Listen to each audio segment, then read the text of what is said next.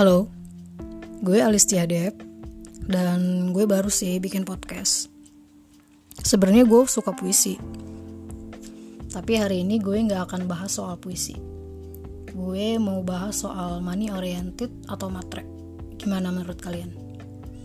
Sama ya, tapi beda. Beberapa orang mungkin akan mikir gini, kita nggak boleh jadi seseorang yang money oriented karena kita bekerja sesuai dengan passion atau keinginan, bukan untuk uang. Terus yang lain juga mungkin bilang kalau apa ya, kita hidup di era yang gak bisa santai-santai, di mana semua hal dibayar dengan uang, bukan bertukar dengan sekedar passion lo atau keinginan lo. Pertanyaannya adalah, apakah lo sependapat dengan pernyataan pertama atau yang kedua? Sebenarnya money oriented ini apa ya? Hmm, sebuah pemikiran atau sikap yang selalu menginginkan hasil dalam jumlah besar terus waktunya juga pengen singkat. Berhubung pemikiran kita udah dewasa jadi semua yang berorientasi pada uang diidentikan dengan hal-hal yang negatif kayak rakus penyelewengan atau kekuasaan Bahkan gak jarang, ada sekelompok orang yang mengaitkan antara money oriented dengan budaya korupsi. Ya, sebenarnya budaya korupsi itu bisa timbul dari pribadi seseorang loh. Mereka yang gak punya keteguhan hati, mereka yang gak punya nilai-nilai dasar yang dijadikan pegangan dalam hidup mereka, atau mereka orang-orang yang biasanya pengen segala sesuatunya itu didapetin secara instan, secara kilat gitu, yang cepat gue jadi inget sama kutipan Sujiwo Tejo dia bilang gini kenapa orang Indonesia selalu mempromosikan batik? Reog kok korupsi enggak? Padahal korupsilah budaya kita yang paling mahal. Ada yang setuju nggak sebagai orang yang berpikiran terbuka sebenarnya sih kita harus nggak nggak nggak mesti melihat sesuatu itu dari satu sisi aja ya tapi dari sisi yang lain juga dari sudut pandang yang lain. Ya walaupun money oriented kebanyakan diasumsikan sebagai hal-hal yang negatif. Tahu nggak sih? Jadi seseorang yang money oriented juga membawa pengaruh positif loh dalam hidup kita.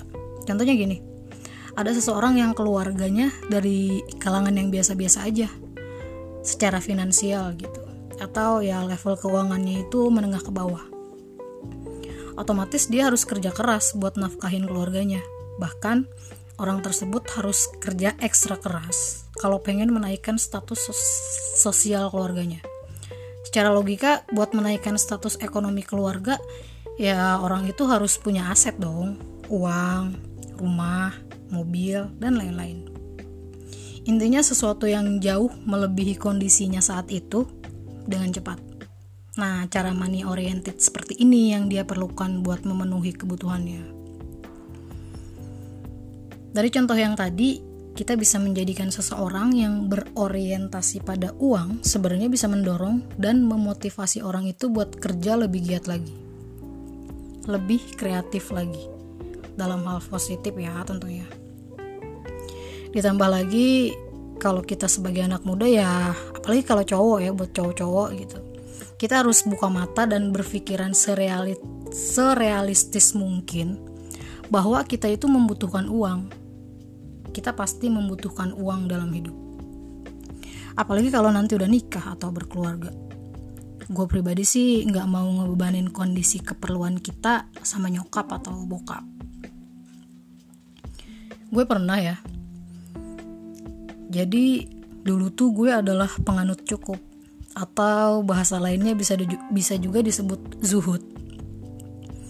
Itu kondisi gue yang paling absurd sih dan cukup lama juga.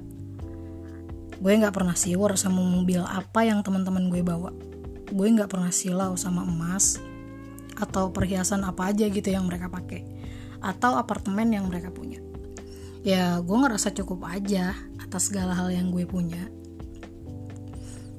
gila ya. Padahal gue tuh cuman punya motor sama cuman punya sepeda gitu buat gue kalau hari minggu.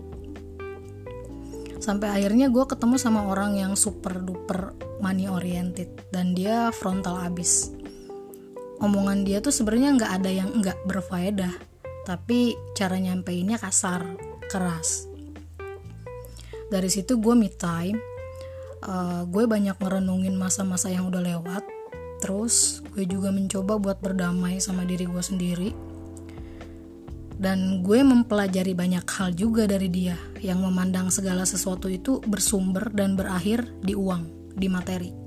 Jadi di tengah-tengahnya adalah kita yang harus mau buat usaha keras, yang harus berjuang buat dapetin keberlimpahan itu. Ya itu pun kalau lu mau hidup enak, kalau lo mau hidup biasa-biasa aja sih ya nggak masalah. Sebulan setelah kenal dia waktu itu tuh gue ditampar sama keadaan. Berkali-kali. Gue susah. Gue nggak punya duit. Asli itu. Gue bukai banget. Kerjaan gue di tulisan juga lagi berantakan. Gue makin mikir terus dapat pencerahan gitu lah.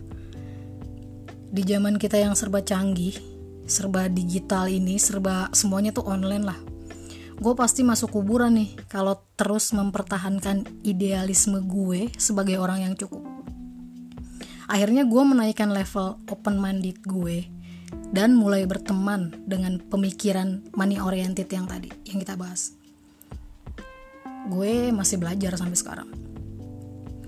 So itu nggak salah dan menurut gue bagus sih banyak positifnya yang membangun. Karena di saat terdesak, lu akan kerja mati-matian.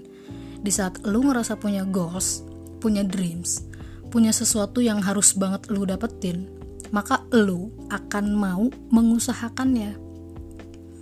Sementara sisi gelap gue yang dulu adalah gue yang gak berani sama resiko. Makanya hati gue lapang aja. Ngerasa cukup dengan apa-apa yang dipunya. Uh, jadi gue gak apa ya gue nggak ada amunisi apa pun buat ngejar apa pun. Oke. Okay. uh, money oriented itu beda ya sama materialistis. Jadi materialisme itu materi adalah satu-satunya substansi. Jadi kalau di teori materialisme itu termasuk paham ontologi monistik. Segala sesuatu adalah bicara soal uang ya sebenarnya matre bukan realistis. Matre itu kayak uh, pemikiran yang dianut oleh cewek ya biasanya yang ngerasa dihargai kalau dibayarin. Paham ini yang salah. Gue nggak setuju karena dasar pemikirannya rada negatif. Jadi pemikiran yang kayak gitu tuh sejenis memaksakan keadaan yang menggiring kondisi ke asumsinya dia sendiri gitu. Padahal kan kalau ceweknya kayak nggak mungkin juga matre materi itu kayak sikap ya. Dan itu nggak baik menurut gue.